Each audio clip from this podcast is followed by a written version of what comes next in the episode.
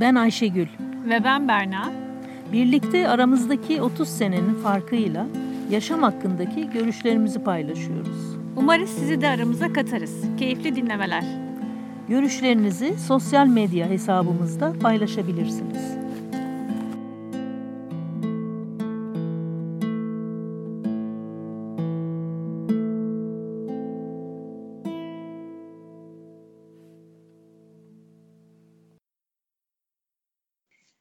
Herkese Çanakkale'den merhaba.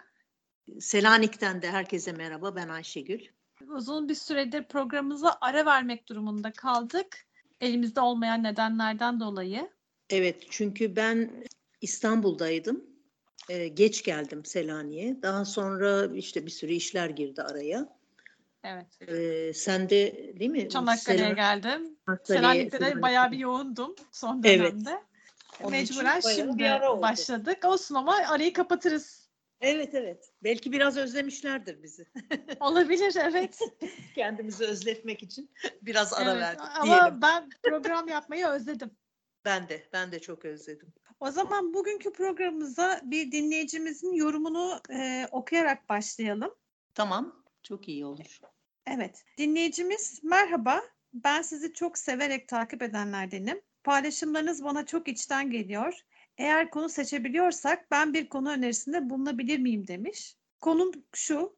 Maalesef günümüzde ben yapmadım, çocuğum yapsın veya ben görmedim, çocuğum görsün. Kısacası bir dediği iki edilmeyen sınırsız çocuklar yetiştirmeye başlandı.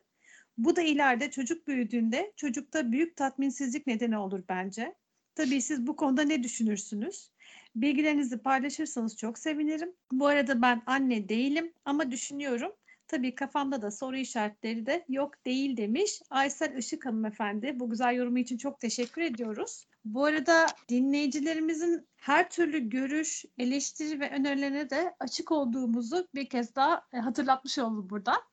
Evet hatta bazen konu bulmakta zorlanıyoruz. Onun için çok iyi olur bir böyle bir tavsiyede bulunursanız. Aysel Hanım'a tekrar teşekkür ederek ben yorumun Evet. son kısmından başlamak istiyorum Evet, müsaadenle. ben de teşekkür ederim kendisine.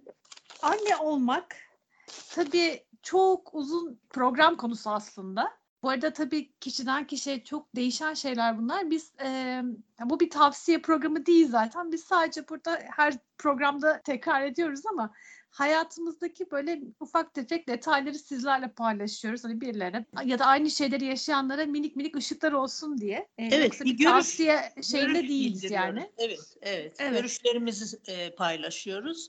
Bir de yani o Aysel Hanım'ın dediği gibi içimizden gelerek doğal bir şekilde yani bir iddiamız yok bu konularda hiçbirimizin bir e, mesela çocuk konusunda diğer konularda da herkesin yaşadığı gibi yaşadıklarımızı anlatıyoruz sadece. Evet. Ben dediğim gibi yorumuna sondan başlamak istiyorum. Anne olmak, anne olmaya karar vermek nedir? Nasıl bir şeydir? Benim hayatımda nasıl oldu? Evet. Ben planlı programda bir çocuk sahibi olmadım. Aniden sürpriz bir annelik yaşadım.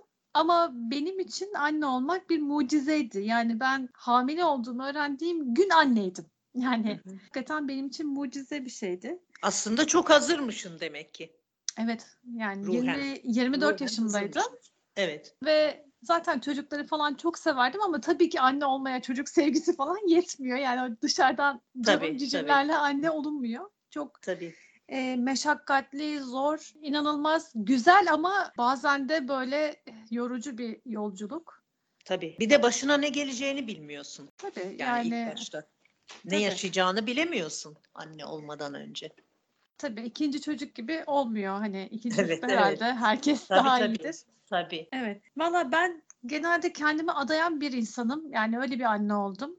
Bu doğru ya da yanlış demiyorum ama bu benim tarzım oldu. Anne olmaya karar vermeden önce bir kere şunları hesap etmek gerekiyor. Bence ben gene yaşadığıma dayanarak söylüyorum Tabii. bunu. Çok kolay bir annelik yaşamadım çünkü. Hamileliğim güzeldi ama çocuk doğduktan sonra çocuğumun hastalıkları vesaire eğitimi şeklinde bayağı zor bir süreçlerden geçtiğim için mesela ben anne olmak isteyen bir insana şunu derim yani çok güzel bir şey hamile kalıyorsun 9 ayın güzel geçebiliyor yani bazen o da sıkıntı oluyor ama tabii ki çok güzel bir yani hani yeri doldurulmayacak bir duygu. Fakat karşılaşacağın şeyin ne olduğunu bilemezsin. Yani çocuğuna bir problemi doğabilir. İşte e, ne bileyim hayatta bir şekilde sıkıntı ve problemler yaşayabilirsin. Anne olmak bütün bunların hepsini göze alarak bunlara katlanarak birine kendi canını vermek neredeyse böyle bir şey anne Çünkü olmak. Yani çünkü sana öyle bir sevgi, öyle bir içtenlik veriyor ki sen zaten onları göze alıyorsun artık. Tuhaf bir şey. Yani aslında an- annelik içgüdüsü herkeste bulunmayabiliyor. doğru. Ama ama e, bilmiyorum genel olarak veya bize öğretilen olarak da bilemiyorum. E, anne çocuk sahibi olmak insanı sanki böyle bir yüceltiyor. Bana bana öyle geldi yani. Yo, yo, doğru söylüyorsun yüceltiyor. Evet. İster istemez de olgunlaştırıyor da tabii. Yaşadığımız şeylerle çok olgunlaşıyoruz. Yani her şey her zaman mükemmel gitmiyor. Dört dörtlük değil. Anne olmak mükemmel bir duygu bence. Ama Evet. dediğim gibi e, her türlü sürprize, ergenliğine, işte ağlamalarına, gece kalkmalarına vesaire her şeye açık olmak, şikayet etmemek ve hayatının ömrünün sonuna kadar onun yanında ona destek olmak gerekiyor. İşte anne olmak bu demek. Senin Ee, için. Evet. Benim için bu demek. Tabii bu Evet. demin dediğin gibi o annelik içgüdüsü, annelik duygusu bu e, söylemeden geçemeyeceğim. Üç tane kedim var. Üçü için de geçerli. yani Tabii. onlara da aynı şekilde olduğumu sevdiğim şekilde seviyorum, endişeleniyorum. Ya onlar da benim için öyle. Ama dediğin gibi bu belki de bir içgüdü. Evet. Yani ve herkes de olmayabilir. Onun Yani için- herkes de farklı farklı ya da ya da oluyor. farklı olabilir. Evet. Dozu değişik olabilir. Ama bu benim Evet. için öyle oldu. Evet, evet. Bilmiyorum sen ne düşünüyorsun bu konuda? Şimdi ben mesela kendimi düşündüğüm zaman çocukluğumu filan çocukken veya genç kızken hiç çocuklara filan bir ilgim yoktu. Ve böyle genç kızken de hani ay çocuğum olsun, evleneyim filan hiç böyle böyle şeylerim yoktu. Hayatın eğlencesindeydim. Acayip bir eğlence içinde bir genç kızlık geçirdim. Çocukluk da eh fena değildi. O da güzel. Eh, ama çocuk sahibi olduğum zaman biz de planlı karar vermiştik bir plan içinde. Hani ev, erken evlendik. Ee, 20 yaşındaydık ve öğrenciydik ikimiz de. Ve çocuk olması büyük bir şeydi yani bizim için felaket olurdu. Onun için tedbirlerimizi aldık. Ama yine de beklemediğimiz bir anda ben hamile kaldım. Hamile kaldığım andan itibaren önce bir şaşırdım, şaşkınlık ama sonra e, yavaş yavaş benimsemeye başladım. Hatta o bulantılar başladı. Bir üç ay süren bulantılarım vardı. E, çok e, kötü oluyor sabah kalkar kalkmaz. Her sabah gri sinirlerle falan kalkıyordum. Ama e, bunun sonunda çok güzel bir şeye varacağımı hissediyordum. E, böyle yavaş yavaş geldi bana annelik hissi. Senin gibi böyle hamile kaldığım anda değil. E, hamile kalınca bir şaşkınlık yaşadım beklemediğim için. Ama ondan sonra hep yavaş yavaş yavaş hele hele karnımda kıpırdadığı zaman başladı işte o zaman. O zaman çok e, garip hisler hissediyor insan gerçekten. E, bazen İçinde bir hatta- canlı var. Evet ben bazen o zaman erkeklere acıyordum ya zavallılar bu duyguyu yaşamıyorlar. Ne acı diye. Bu böyle böyle düşünceler geldi içime. Ya bir, bir çocuk doğurmak, çocuk büyütmek, e, ona karşı sorumluluk hissetmek vücudunda. E, bu bana mesela çok değişik bir his geldi ve çok hoşuma gitti. Evet. Ve çocuğumu doğurduğum andan itibaren de e, böyle sanki yıllardır o benim çocuğum. Yani anne birdenbire anne oluverdim. Yani annelik içgüdüm hazırmış herhalde o hamilelik boyunca filan. Ve e, yani bir tek şeye çok üzülüyordum. Ya bana bir şey olursa? Ya bana bir şey olsa bu çocuk nasıl beslenecek? Sanki olamazmış gibi. Halbuki onun da çaresine bakılır. Ama böyle kendimi çok e, önemli bir iş e, sahibi nasıl diyeyim yani dünyaların parasını verseler o iş başka bir iş yani çok güzel bir iş verdiler bana gibi oldu. Evet. Onu hissettim. Ee, ama tabii ondan sonra dediğin gibi işte hele iki çocuk olunca kavgalar, şeyler filan yani olumsuz yönleri de var. Bazen ikisi böyle uyudukları zaman ay hep böyle uyusalar filan diyordum. o böyle çok çünkü o iki çocuğun araları beş yaş ama yine de tabii bir kavgaları şeyleri oluyor evde bir gürültüler ama bütün zorluklarına rağmen e, ben mesela bu izleyicimize derim ki e, gerçekten çok güzel bir şey yani nasıl diyeyim tanımlayamıyorum yani E, o kadar güzel bir şey. Kutsal bir şey değil mi? Kutsal böyle. Kutsalın da öte yani Ötesinde. sadece bir kelime bulamıyorum. Onun için Evet. do- onu yani anne olmadan anlaşılmıyor o. Ama anne olmak istemeyenlere de saygım var. Son derece haklılar bu dünyada, bu zamanda. Gerçekten çok e, dünyanın nereye gideceği belli değil. E, belki o çocuk doğmak istemeyeceği bir dünyaya gelecek mesela. E, çok gençken bunları düşünemiyorsunuz tabii e, belli bir şeyden sonra bir yaşı geçirdikten sonra da çocuk doğurmak biraz zor. Yani Tabii. zaten e, doğa da ona göre ayarlamış. Mesela 20 ile 28 yaş arası en çok doğurgan bir kadının en çok doğuracağı yaş. En çabuk hamile kalacağı Zaten yaş. benim bildiğim en çok ayar. Doğurganlık olayı da yüzde 20 ya da 25 maksimum olması gerek. Düşün yani. Yüzde 100 Tabii, falan değil yani de- o kadar. tabii, tabii, O gitgide de- azalıyor. Tabii tabii. E zaten 30 yaştan sonra hücre ölmesi başlıyor yani. şey Evet. olarak. Ama yani günümüzde çok e, ileri yaşlarda çok e, güzel, çok mutlu anneler oluyor yani hiç şey değil. Onun için bu e, yani tavsiye edilecek ya da yani yapıl yapılmasın, yapılsın denecek bir şey değil. Evet, Tamamen ki. e, kendi içinde hissettiklerinle ilgili bir şey. Tabii. Şimdi sen böyle söyleyince aklıma şey geldi. E, Dan Brown var ya yazar. E, Da Vinci'nin Evet. şifresini yazmıştı. Ha evet. Orada onun için o e, Da Vinci'nin son yemek tablosunda bir kutsal kase şeyi vardır, metaforu var. Onu aslında bir e, kadının, kadın yani kadın sembolü olarak o yani doğurgan e, V şeklinde. Doğurganlık. Evet. Doğurganlık ve onu çok e, o kutsal kase aslında şey e, Maria Magdalena İsa'nın e, aslında karısı. E, Şimdi sen söyleyince aklıma nedense o geldi. Buraya onu da Evet. iliştireyim dedim. Evet ama doğru yani tarih boyunca zaten e, Ana olmak, annelik evet. çok kutsal bir Evet. şey evet. Evet. Yani internette de baktım böyle çocuk yetiştirme üzerine olan yazılara, işte tarihçelere falan. Mesela çocuklara ve çocuk yetiştirme kavramına yönelik tutumlar tarihsel süreç içerisinde çok böyle köklü değişimler yaşamış. Mesela 16. yüzyıl öncesinde çocuklar çeşitli kötülüklerin kaynağı olarak değerlendirilmiş.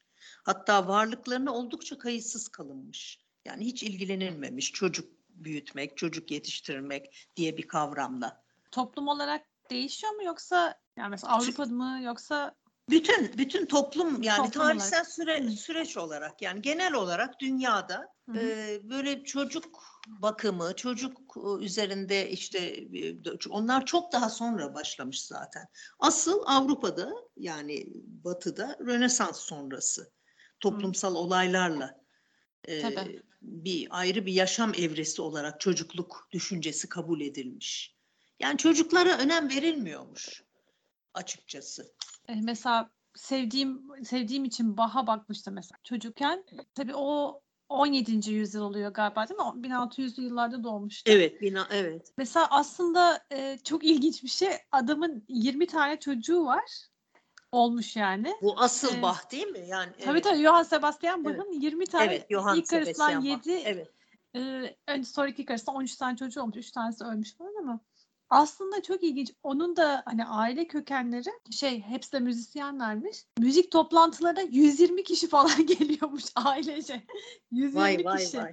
Şöyle düşünebilir misin? Bak burada mesela Beethoven'ınki daha bir trajik bir hikaye. O da senin daha bir modern zaman ama mesela burada şey aklıma geldi. Direkt senin söylediğine bağlantılı olarak. Şimdi yemişli ortamlar Almanya'da böyle inanılmaz güzel müzikli ortamlar. Orada çocuğa baksan ne olur, bakmasan ne olur. Tabii. Zaten hani mükemmel zaten- ortamlarda yetişiyor Tabii. çocuk. Bir tek Şimdi- hastalıklar var.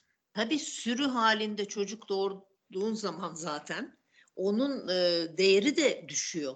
E, nasıl Tabii. böyle evinde çok fazla kedi veya hayvan besleyen insanlar e, ne oluyor? O kediler de artık birbirinden bıkıyor ve sıkışıyor. Ne bileyim aynı yerde kaç kişi birden yaşamak falan. Bunlar çocuğa verilen önemin değersizliğini gösteriyor. Ve mesela bizim köylerde filan da öyleydi eskiden biliyorsun. Şimdi de belki öyle. Hani birkaç tane doğururum zaten birkaçı ölür. Zaten birkaçı eskiden tabii hastalıklar filan da Tabii. var. O da var. Hani böyle yedek Bence doğurma filan gibi. Yani çocuk başka bir şekil, çocuğa başka bir şekilde bakılıyormuş. Aslında yedek doğurmandan da ziyade şey hani korunma yöntemleri falan yani yok Tabii ki o da yani. yok. Hani O da bilinç yok zaten- vesaire. O Ya zaten her şey hiç yok. aslında Tabii. daha bir doğal değil mi? Yani daha hayvani aslında. Evet, evet ama e, Ama güzel bir hayvan. Yani hem hayvani hem de e, nasıl diyeyim za- zarif. Yani bir yandan müzik var, bir yandan doğanın en güzel hali var. evet Bir yandan ama üretim var. Evet ama sanayileşmeyle falan başla, başlıyor yani bu e, huzursuzluk. İşte Fazla dediğin kişi. Rönesans. Tabii. Dans sonra Evet. demek ki. Evet, evet. Yani Rönesans sonrası toplumsal olaylar zaten başlıyor. Ama Rönesans'la aydınlanma, sanayileşme e, de başlayınca çocuk ve çocuk yetiştirme kavramlarına farklı bir bakış açısı geliyor. E, yeni bir çocukluk olgusu ortaya çıkıyor. Ve çocuk yetiştirilmesine önem verilmeye başlıyor. Yani çocuğa değer verilmeye başlıyor mecburen e, çocukların gelişimi ve topluma uyum uyum sağlayabilmesi için anne babaların çocuk yetiştirmeye yönelik tutumları mesela çok önemli. Kültürleri, kendi kişisel özellikleri, e, kendi ebeveynlerinin tutumları, çevresel işte fiziksel faktörler yani genetiği, çocuğun sonradan olan özellikleri bir sürü faktör var çocuk yetiştirmede. Evet. Ee, ama bunların eskiden hiçbiri dikkate alınmıyormuş. Yani kısacası bu çok faktörlü, çok geniş bir konu. Ee, ben burada zaten yani bu konuda iki kız çocuk sahibi bir anne olarak yani deneyimlerimden bahsedeceğim bazı deneyimlerimden. Onun dışında burada ahkam kesecek bir halim yok çünkü o, konuda uzman değilim. Bir de gerçekten çok tartışmalı bir konu. Sadece kendi fikirlerimi yani söyleyeceğim. Bilmiyorum sen ne dersin? Nasıl Aslında der- tartışmalı bir konudan ziyade bence e, çok özel bir konu. Yani herkesin Tabii ki, hakikaten böyle tabii. kişiden kişiye değişecek bir konu. Yani yani aileye tartışma dediğim o işte. Yani sana Evet. göre şu doğrudur ama bana göre bu doğrudur. Bir Çünkü büyüdüğün yer, yetiştiğin kadar- yer, e, doğduğun yer vesaire. Çok faktör Evet. var ki yani Evet. onun için ben sadece dediğim gibi yani kendi deneyimlerimden fazla konuyu dağıtmadan bizi takipçimizin e, söylediği gibi bu etrafımızda rahatsız eden bazı çocuk türleri oluyor. Yani çok farklı yetiştirme ve bu günümüzde ayrıca başka bir hale geldi tabii. Mesela ben m, şu anda 71 yaşındayım.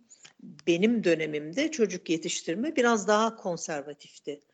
Yani daha tutucu, daha e, ve bu kadar etrafı rahatsız edici çocuklar olmuyordu. Daha yani ben çok özgür yetiştim o ayrı ama ben biraz çizgi dışıydı benim ailemde yetiştirme tarzımda. Ama çok özgür, fazla bir özgürlük veriliyor. Yani başkalarını böyle rahatsız eder derecesinde.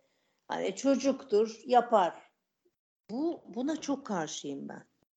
Başkalarını yani nasıl hukukta sen e, istediğin her şeyi yapabilirsin ama başkalarına zarar verdiğin anda bir hukuk girer. Bu çocuk konusunda da girmesi lazım. Yani çocuk gürültüsüdür olur bilmem ben buna karşıyım. Yani biraz anne babanın çocuklarına sahip çıkması gerekir diye düşünüyorum. Neyse bu konuya da, da gene- tekrar geliriz. Sen bence e, ne düşünüyorsun çocuk yetiştirme konusunda? Benim bir tane oğlum var tabii. Ee, küçükken de bayağı yaramazdı.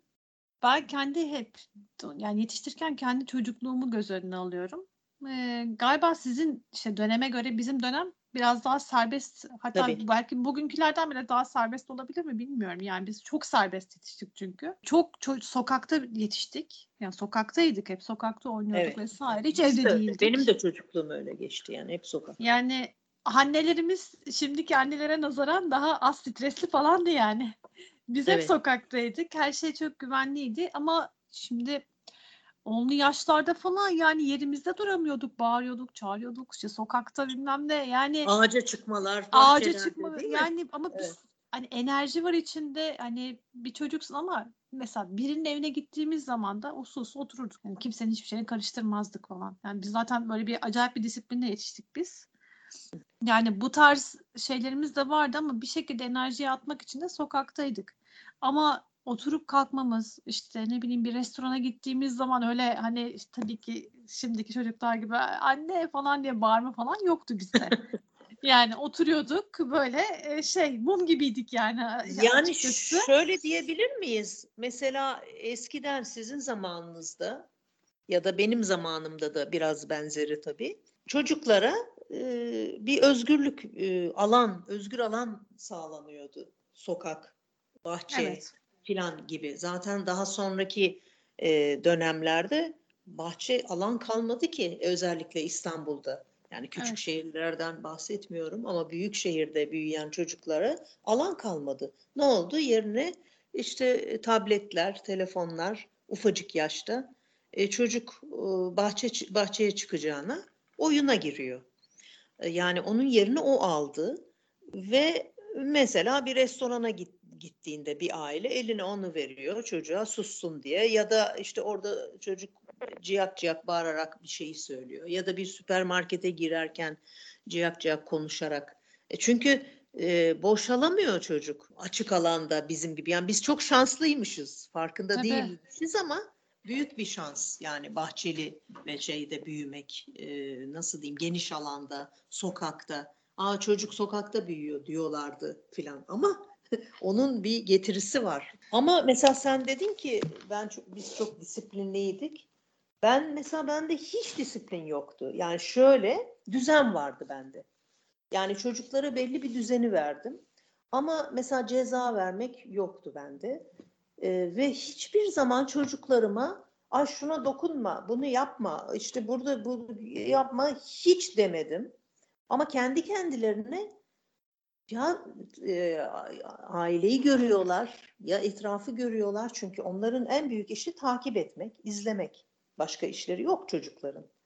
Evet. Seni seni olduğu gibi kopyalıyor. Yani onun için tabii çok örnek olman gerekiyor. E sen de başkasının evinde bir taşkın hareketler yapmıyorsun, etmiyorsun.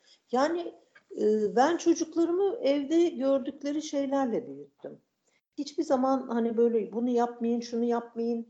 Ama çok sıkıştığım zaman tabii bazı şeyleri söylüyordum. Ama mesela küçük kızım bana dedi ki ben dedi bütün küçücük böyle 7-8 yaşında ben dedi bütün annelere bakıyorum dedi. Hepsi dedi çocuklarına ceza veriyor. Sen niye vermiyorsun dedi bana.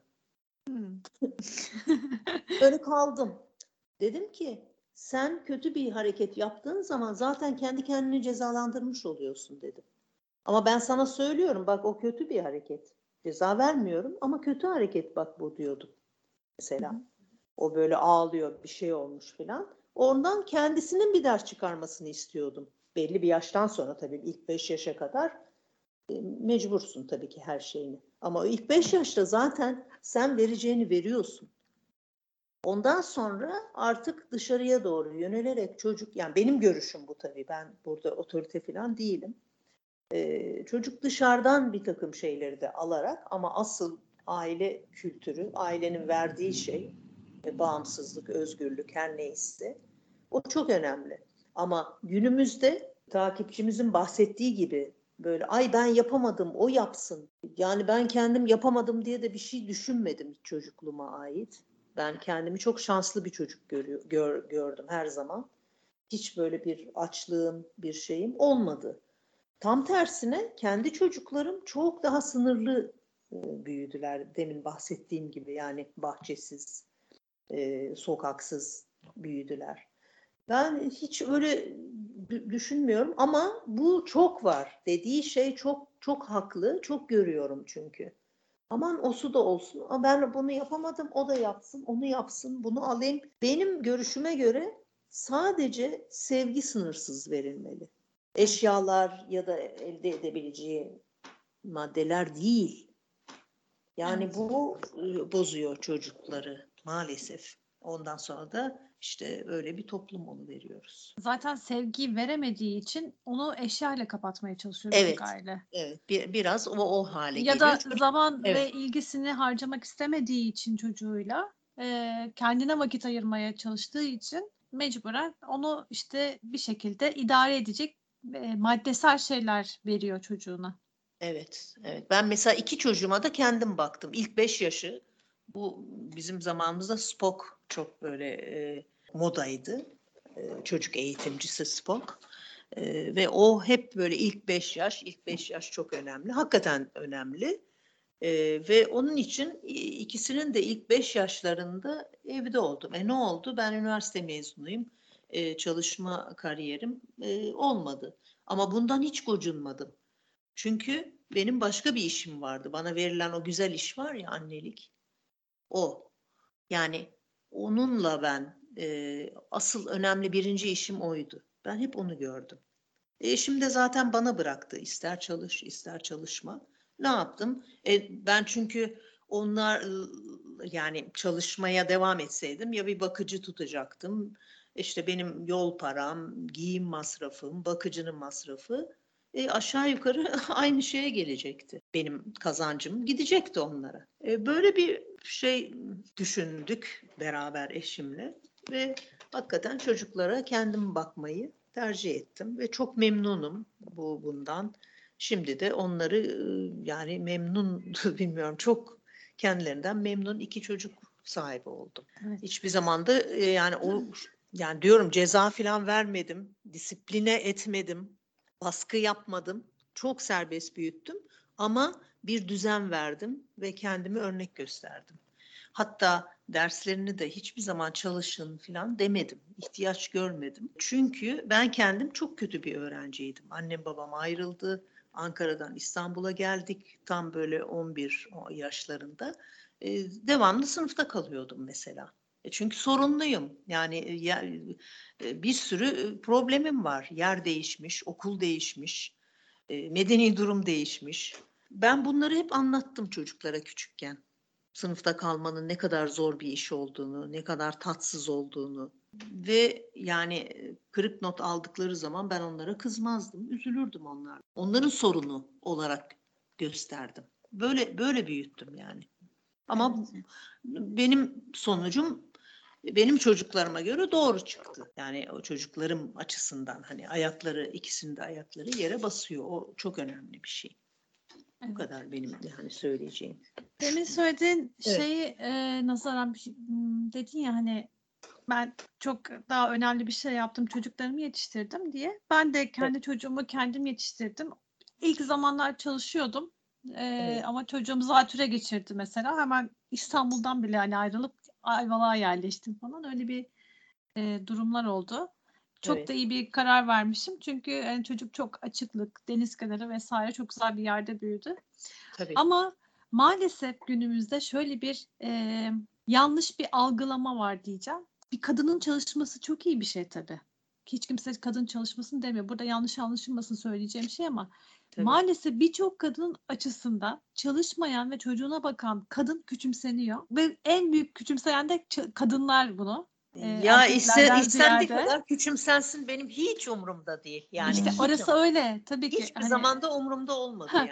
Fakat bu genelde çok ciddi bir e, hani algı bozukluğu diyeceğim. Çünkü evet. mesela şöyle şeyler de var. Sen tabii ki demin de söylediğimiz gibi kendi çocuklarına nazar anlatıyorsun ama Şimdi mesela çocuk hastalıkları çok arttı. Herkes çocuğunu psikoloğa götürüyor. Yani inanılmaz televizyon açtığın zaman çocuk psikolojisiyle evet. ilgili bir programa evet. şey rastlıyorsun. Yani Neden? böyle şeyler yoktu. Neden değil mi? Neden? Neden?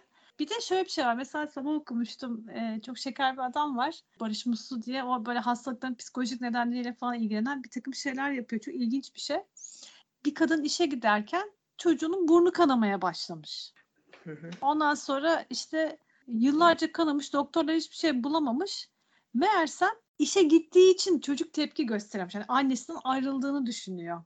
Ee, ve dikkati çok, dikkati çekmek istiyor. Seni dikkati istiyor. çekmek diyor. istiyor evet. ve düşün evet. o dikkati çekme e, bedensel bir şey olarak kendini gösteriyor. Yani fiziksel olarak kendini gösteriyor. Çok enteresan bir e, psikolojik Evet. yapımız var gerçekten Çok, yani. ya evet, evet doğrudur yani mutlaka olur. Evet. Mesela Yani- benim Bir dengede olması gereken bir şey bu. ve işin içindeyken de o dengeyi fark etmen çok zor oluyor. Ya Yani evet. yine de yine de ben de şuna inanıyorum. Senin anne babandan aldığın bir takım şeylerin üzerine kuruyorsun tabii ki bu yetiştirmeyi, bu bakış açısını ama o zamana göre de uydurman gerekiyor.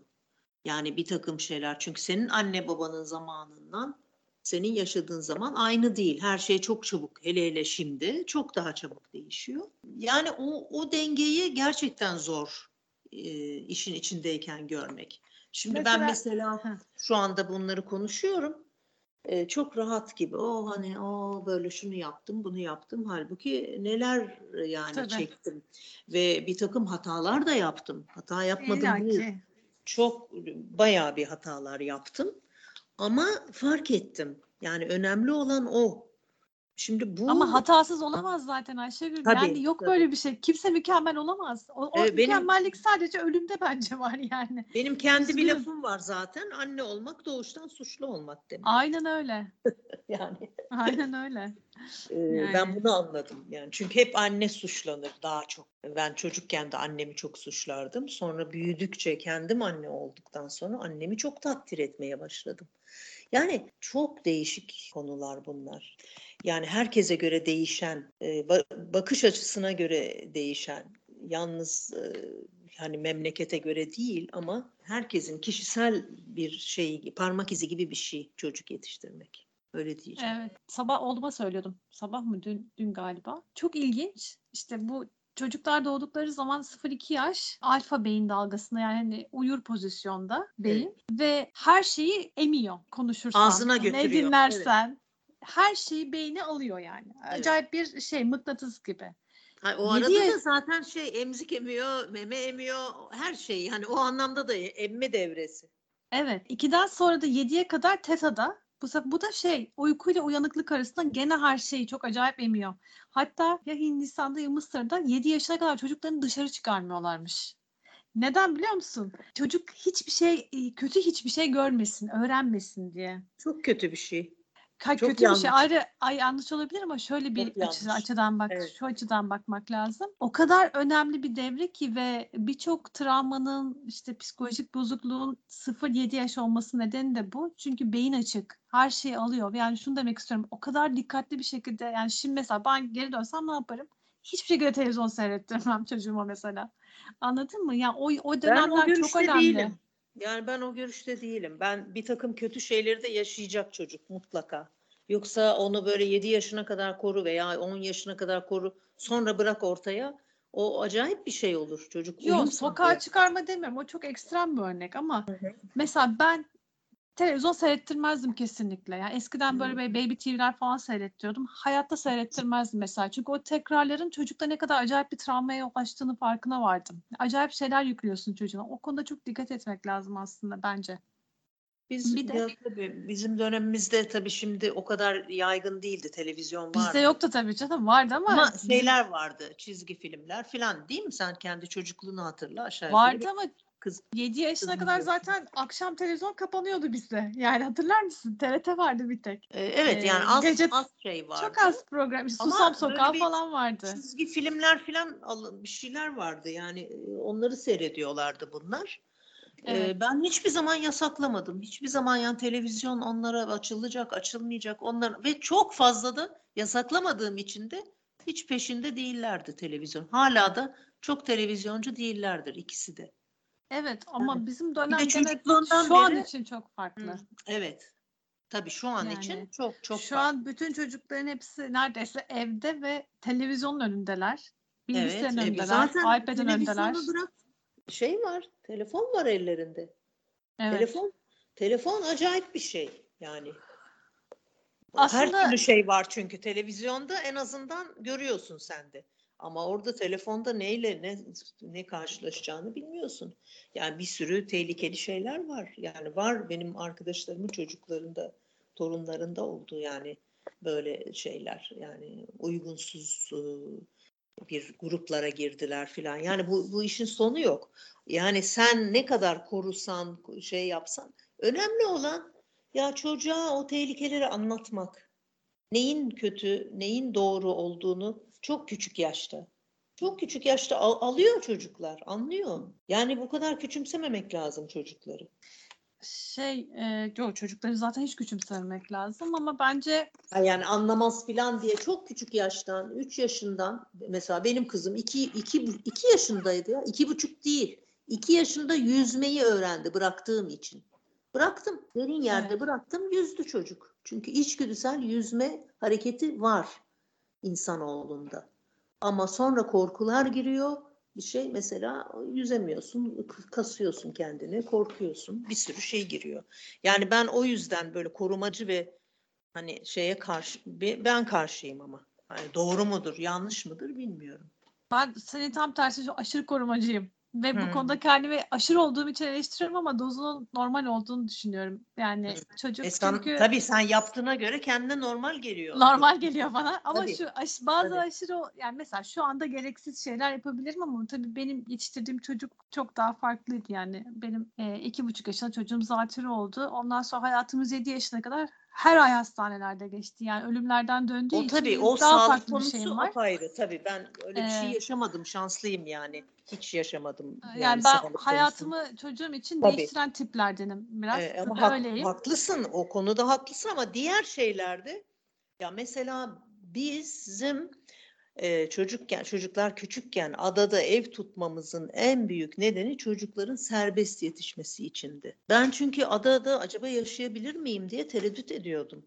Ya acaba dönmek ister miyim şehre filan o zaman çünkü gencim 30 32 yaşındayım ve yani zannediyorum ki ada böyle çok şey e, hakikaten o yaş insanı için çok e, hoş değil ada yani özellikle Burgazada hani e, bir eğlence yok bir şey yok ama biz çocuklar için mesela işte Nazlı geldiğimiz zaman iki yaşındaydı ve ben onu iki iki buçuk yaşında fırına bayağı bir uzakçaydı evimiz ama o zaman Python da vardı şey şimdi elektrikli arabalar var onun yerine faytonlar vardı ama çok dikkat ediyordu faytonlar şeye yani çocuklara. Ee, mesela e, ekmek almaya yolluyordu. İki buçuk yaşına gelip bizim ekmeğimizi Nazlı alıyordu. Tabii çünkü orada kontrol etmem çok kolay. Ee, küçük bir yer. Ya öyle bir pratik çözüm bulduk. Ee, Beraber düşündük eşimle. Ve e, çok özgür yetiştiler gerçekten. O dönem için de çok çok özgür yetiştiler. Şimdi biz de öyle sen dediğin gibi hani Bakırköy'de oturuyorduk. Ataköy'e ekmek almaya gidiyorduk pazar günü mesela bir sıra ablam bir sıra ben. Şu anda mümkün mü? Değil. Ama büyüktünüz Ee, tabii daha büyük. İşte evet. birimiz 5 yaşındaydık, birimiz Tabii. 7 yaşındaydık. Yani şu Evet. anda 5 ve 7 olsak bile bence mümkün değil. Çünkü dediğim gibi yani senin de dediğin gibi dönem çok farklı, Türkiye çok farklı, dünya Evet. çok farklı, her şey çok ben, farklı. Yani ben yine çocuklar- kaçırırdım. Çocuklar e, yani yapan yapıyor. Evet. Senin Evet, dediğini işte evet. işte millet Ayvalık'a taşınıyor, oraya taşınıyor, buraya buraya taşınıyor. Yani Evet. imkanı olan kaçabilen, çalışmak Evet. zorunda olmayan ya da işini ayarlayan yapıyor bunu zaten. Çünkü olan aslında, bu Aslında- dönemde çocuklara Evet. çok oldu. Yani çok çocuk çocuklara e, yaramadı yani bu dönem. Kötü oldu onlar için. Evet. İstanbul Ee, için adalar hala bir çözüm. Ee, tamam pahalı ama çok ucuz evlerde bulabiliyorsun. Yani yazlık, yaz için. Okul okul vesaire. Belki Hayır okul hastalık. kışın. Hayır okul kışın tekrar yine Hastane. evine döneceksin ama yazın özgür bir hayat yaşayacak o. En azından 4 ay 5 ay yaşayacak. Yok hastane falan şimdi son sürat gidiyor şeyler. Ee, onun da şimdi çok daha yani e, donanım var. Ee, ama tabii bunu kimse akıl edemiyor ya da nasıl diyeyim işte herkes doğayı sevmiyor o da var. Yani e, mesela benim işte bir arkadaşım vardı. Ben ak merkezsiz yaşayamam diyordu kadın. O Evet zaman öyle tipler de var doğru. ak merkez yeni Ya, açılmıştı yani birkaç sene olmuş. kimseyi şey yapmaya gerek yok ama hani o da onun düşüncesi haklısın. Yani herkes doğayı doğa sever olmak Evet. zorunda değil tabii ki. Evet, Evet. haklısın. Yani, Yani, onun için diyorum hani o herkes aynı şeyde değil ama ben böyle kurtardım yani paçayı. evet ama yine de şu an yani bu yaşadığımız devre bizim benim çocukluğum zamanından beri maalesef Tabii tabii. daha kötü yani. alakası Çocuklar çok yok. izole. Ve hızlan hızlan e, şey oluyor. Ama işte diyorum yani hepsine her şeye bir çözüm bulunur. Yeter ki istensin. Evet. Ee, çok fazla da büyütmemek lazım. Doğan büyüyor diyorsun. Evet. Ha, yani şöyle doğal büyüyor. evet Doğan da büyüyor. Bir tek şu var, belli bir yaşa gelince insan çocuk yetiş büyütmek falan biraz zor gelebilir. Ee, çünkü onun bir gençlik istiyor. Yani bence belli bir yaştan sonra mesela 40'lı yaşlarından sonra falan çocuk sahibi olmak isteyenler herhalde bir uzun düşünürler.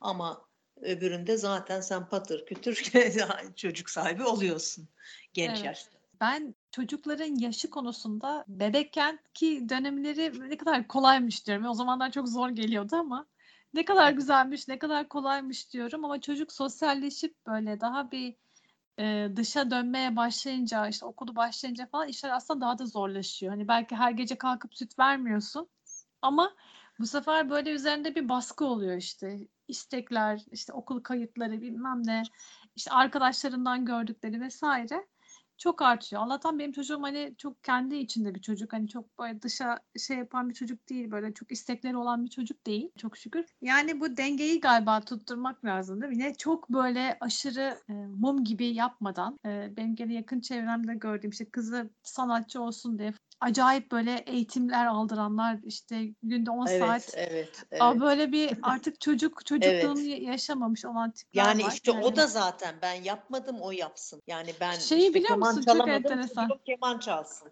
filan. Mesela benim kızım violonsel çalıyor küçük kızım. Kendi istedi ya kendi. Nereden gördün? E, keman istedi ama yaşı biraz 8 yaşındaydı. 8 keman için geç dediler. Violonsele e, geçti. Ama kendi istedi ve deli gibi çalıştı. O sırada o, okulu da işte öbür Üsküdar Amerikan'da filan çok zor şey bir okul, baskıcı bir okul. Ee, yani bun- bunalacak diye ben psikoloğa gittim. Sordum. Bana dedi ki o çocuk kendi istiyor. Hiç endişe etme dedi. Ama sen zorlarsan dedi çok büyük sorun olur dedi. Kendi istiyorsa hiç üstünde durma dedi. O kendi to- tolere eder dedi bana. O zaman içim rahat etti. Çünkü ben zorlamıyorum onu. O kendi istiyor. Bu arada çok ilginç bak. Beethoven'ın babası da böyle bir manyak bir ebeveynmiş biliyor musun? Hiç duymadım. Ee, evet. Gece 5'te kaldırıp piyano dersi aldırıyormuş çocuğuna. Yani gece, gece 5'te kaldırıyormuş. Kendi Of. müzisyen. Yani Böyle hırs, deli gibi. hırs. hırslı, hırsla. acayip Evet. hırslı. Yani düşün yani daha 5 yaşında. İşte o kendi hırsını çocuğuna yansıtıyor. O çok Evet. çok kötü bir şey. Her Mesela- dönemde var evet. demek ki. Ya ben de mesela ben çok spor yapan bir insanım. Ee, tenis oynamak, tenisçi olmalarını ikisini de çok istedim kafamdan. Ve tenis korduna adada var işte ee, ben gidiyorum hadi siz de gelin filan. Mesela Lale hiç hiç isteği yok. Zorla geliyordu. Böyle top toplamak istiyor. Oraya top atılır mı diyor filan oraya atıyorum filan. Ben de kendime partner yetiştireceğim filan kafamda. Sonra dedim ki hiç bu çocuğun alakası yok. Bıraktık hemen hemen. İstemiyor. Zorla yapamam yani. Ve yani orada böyle şeylerde özgür bırakmak lazım çocuğu.